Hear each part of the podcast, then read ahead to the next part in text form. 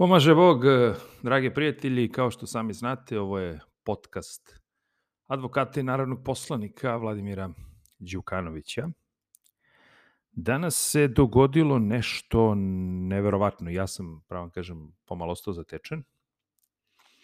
Naime, veoma dobro znate za čuvenu produkciju Vice. A, svakako više nekako uvek bila na strani tog nekog neoliberalnog koncepta i ovde kod nas generalno su uvek stajali na stranu, ajde da kažemo, tog nekog nevladinog sektora, NGO-a, tih nekih liberalnih krugova i tako dalje, tako dalje. Međutim, nemačka verzija tog te medijske kuće danas je objavila jedan za mene iznenađujući tekst koji je u svoj biti tačan, odmah da kažem, ali koji je u potpunosti srušio koncepciju onih koji su ovde želeli da od uh, afere Jovanjica, izmišljene afere Jovanjica, prave političku durmu, objavivši, moram priznam, ne znam odakle im to, ali su objavili i to je prvi medij koji se usudio da to objavi, jednu tačnu informaciju vezano za veštačenje biljaka koje su pronađene na Jovanjici. Odmah da vam kažem, ja kao neko ko je advokat u tom postupku, u prvom postupku samom Predragu Kuluvi, u drugom postupku gospodinu Milanu Kendi, mora kažem da nikada nisam prisustovao ni jednom veštačenju, niti je bilo koji advokat bio u mogućnosti da prisustuje bilo kom od tih veštačenja koja su rađena. S tim što dodatno želim da naglasim i tu činjenicu da mi i ne znamo zapravo šta je tamo veštačeno. Znači oni su mogli da veštače šta bilo, mogli su da donesu biljku dakle god hoće pa da, da veštače, ali čak i u takvim okolnostima gde su nameštali čitavu aferu, a, najveći THC koji su pronašli, a inače kod nas je po zakonu dozvoljen THC 0,3 u biljkama, znači najveći koji su pronašli 0,54 i to je čini mi se samo na jednoj biljci pronađeno tako.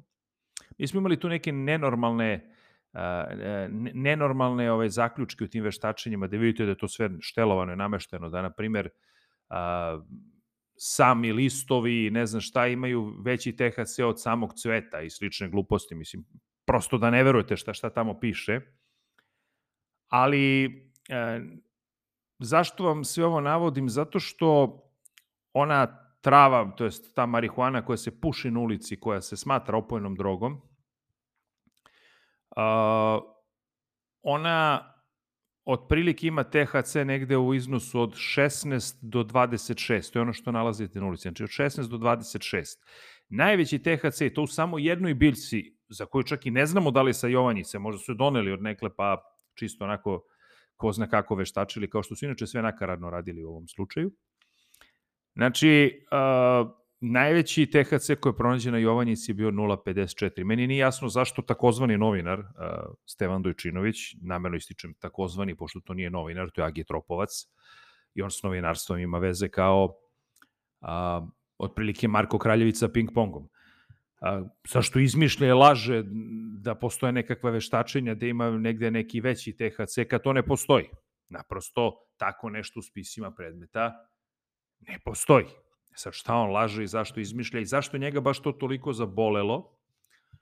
A, da li zato što je čitava ta priča i politička durma oko Jovanjice a, je propala i koncepcija rasturena i u param parčad i vidi se da je ovo nameštana afera, da je štelovana afera.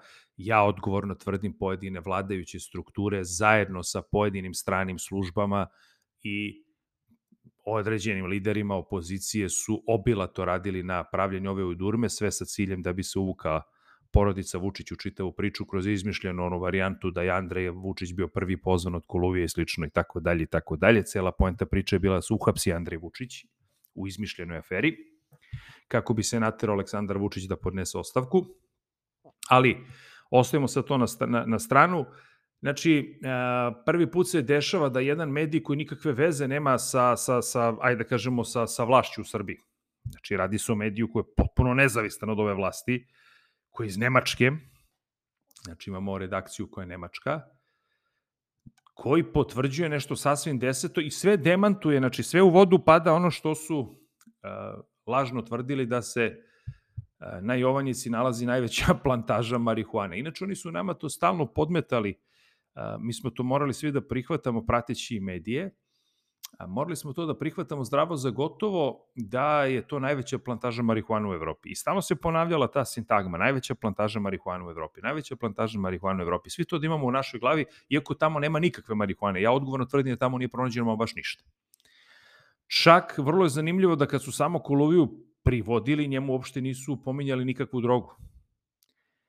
Dodatno, imate to u, u uvodnom izlaganju samog tužioca, gospodina Saše Drecuna, koji kaže da kad bi se jedan papir, a vezan je za onu aplikaciju razgovor, kad bi se on pomerio, cela optužnica bi pala kao kula od karata. I to je tačno, ja tu mogu da se složim sa gospodinom Drecunom. Ali sve što ima vezano za tu aplikaciju razgovor nema nikakve veze ni sa kako marihuanom. Znači ovde marihuana ne postoji, ovde je marihuana izmišljena. Jer ključna, e, ključna stvar, i, i to ću stalno navoditi, i to bi voleo da o tome pričamo, ključna stvar za svakog narkodilera. Znači, ako si ti izrazito veliki narkodiler i baviš se proizvodnjom i stavljanjem u promet opojnih droga, suštinska stvar je kom ti tu drogu distribuiraš, kome ti to prodeš.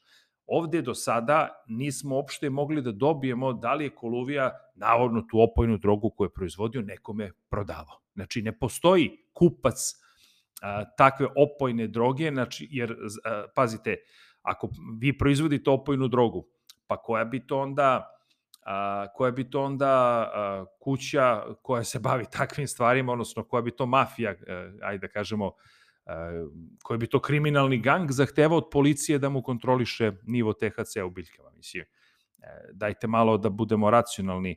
Zamislite sad kada bi recimo Nandrageta a, proizvodila tako nešto i onda zatraži od italijanske policije da je kontroliše polja. Mislim, van svake pameti šta smo ovde sve mogli da, da čujemo, ali ključna stvar je kom si prodavao drogu, pošto mi ovde nemamo kome Koluvija prodavao drogu, i, zato što je sve izmišljeno, jer nema nikakve ni droge. Mi imamo samo apsolutno legalne izvoze sa svim sertifikatima carinskim. Najnormalnije su ljudi radili, prijavljivali. I ono što je vrlo zanimljivo, svi svedoci koji dolaze na, na, ova, na ovaj glavni pretres, u principu propaste tužioca. Tužioc ne zna gde se, gde se nalazi. Ovaj, dovedu ga do potpunog ludila. Um, samim tim ovo što je Vajs uradio je rušenje koncepcije cele priče. Srušila se koncepcija kao kula od karate. Meni je jasno zašto je na Twitteru posebno poludeo Stevan Dojčinović.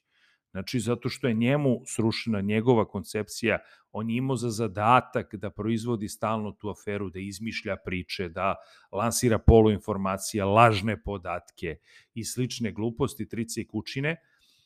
Dobro je da je, vi vidite kako oni recimo do te mere brane ove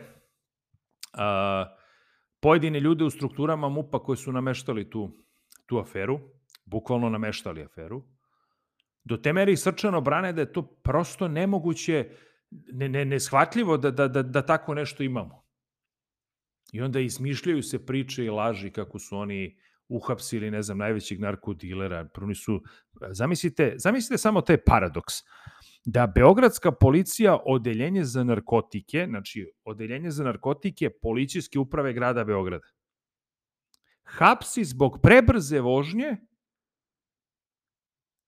a, negde kod Velike plane ili Smederevske palanke čoveka i onda pričaju kako su imali veliki poduhvat u otkrivanju ne znam kojih narkotika. Prvo osnovno pitanje, a šta pripadnici policijske uprave grada Beograda rade na nekoj naplatnoj rampi ili već den ovaj, na autoputu recimo Beograd-Niš i od kada to Beogradska policija odeljenja za narkotike juri za prebrzu vožnju na autoputu? I koga oni to zustavljaju zbog prebrze vožnje na autoputu? To još nisam znao da im je to ingerencije i nadležnost. A onda čak i kad sve se događa, vode čoveka u Staru Pazovu. Znači, vi tamo nemate tužilaštvo Sremske Mitrovice, zapravo imate ženu koja je tužilac iz Sremske Mitrovice koja je došla i zaključila tu bre nema ništa, da je to besmisleno potpuno. A onda iz čista mira se formira nekakva OKG, izmišlja se OKG i to tako što su odokativno birali radnike, pa kaže, ajde ovaj sad, nek ide on. Da, njima je bilo bitno da formiraju neku OKG a, ili organizovanu kriminalnu grupu, kako je skraćenice OKG.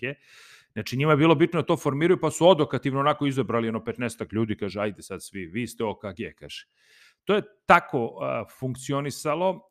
Recimo, paradoksalna je situacija da Koluvija, koji prvo nije vlasnik Jovanjice, nego suvlasnik, znači da uhapsite jednog suvlasnika, da ne uhapsite drugog. Inače, taj drugi radi se o vrlo korektnom momku ovaj, i vrlo na dobrom čoveku, gospodinu Anđiću, koji je drugi suvlasnik, a koji nije uhapšen, na primjer, u ili recimo direktori koji su tu bili proizvodnje, ne znam šta, a, oni, na primjer, nisu bili uhapšeni.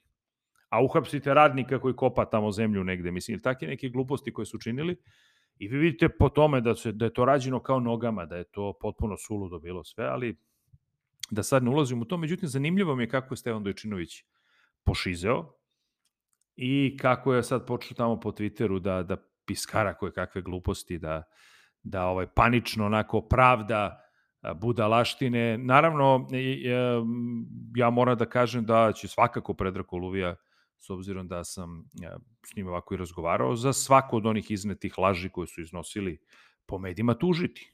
Pa sad lepo, vi to sve što ste pisali, što ste lagali i objavljivali, to ćete da dokazujete na sudu. E, prosto čoveku je uništen život na neki način, ali da sad u sve to ne ulazim, a, eto, a, on će svakako to na sudu da a, traži, traži ovaj naknadu nematerijalne štete, pa vi, gospodo, izvolite, kada ste mogli da tako lažete, da izmišljate, onda svakako ovaj, verujem da ćete te svoje veličanstvene dokaze koje posjedujete doneti i na sud, da bome, pa ćemo da vidimo kad ta će se to završiti, jednom u životu kad god, ali e, to da večito tako izmišljate i da lažete, to tako ne ide. E, sve u svemu, Ne znam zašto i s kojim motivom je nemački Vajs ovo uradio.